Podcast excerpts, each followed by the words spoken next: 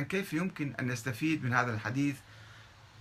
الصحيح أو الموضوع وجود إنسان لم يوجد على ولادته أي دليل وإنما فقط بالافتراض الخيالي الوهمي.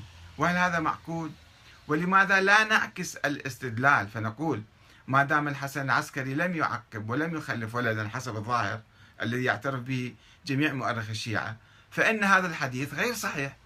يعني بهذا المعنى يصبح أيضا غير صحيح.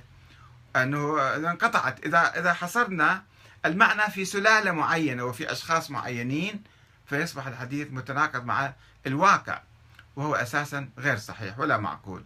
ولم يثبت بالتواتر في الجيل الأول إنما رواه شخص. فهذا ليس لا يعتبر تواتر. التواتر على نص معين عندما يجمع جميع الناس عليه بدون شك.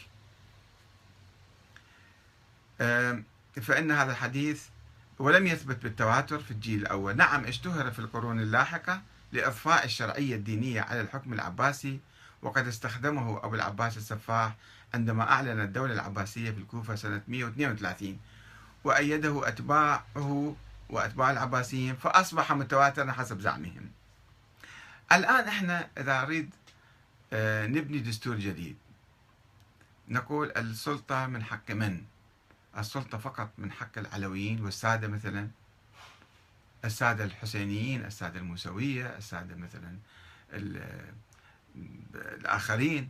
أم السلطة من حق جميع الناس من جميع أفراد الشعب. لأي إنسان يتمتع بمواصفات معينة مثلا يحددها الدستور يحق له أن يكون نائبا ثم رئيسا للوزراء ثم رئيسا للجمهورية ثم رئيسا للبرلمان.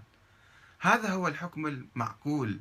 هذا هو النظام الصحيح.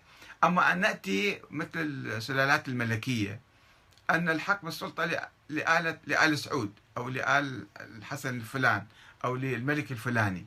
هذا لا يوجد في الإسلام. يعني تحديد السلطة وتمييز الناس بعضهم عن بعض. الله يقول يعني في القرآن الكريم إن أكرمكم عند الله أتقاكم. ما في فرق. ما في واحد من سلالة النبي يحق له أن يحكم ومن غير صلاة النبي يجب أن يكون محكوما أبد الدهر. ولذلك نشب الصراع في القرن الأول بين مختلف الفرق السياسية. آه، قسم كان يقول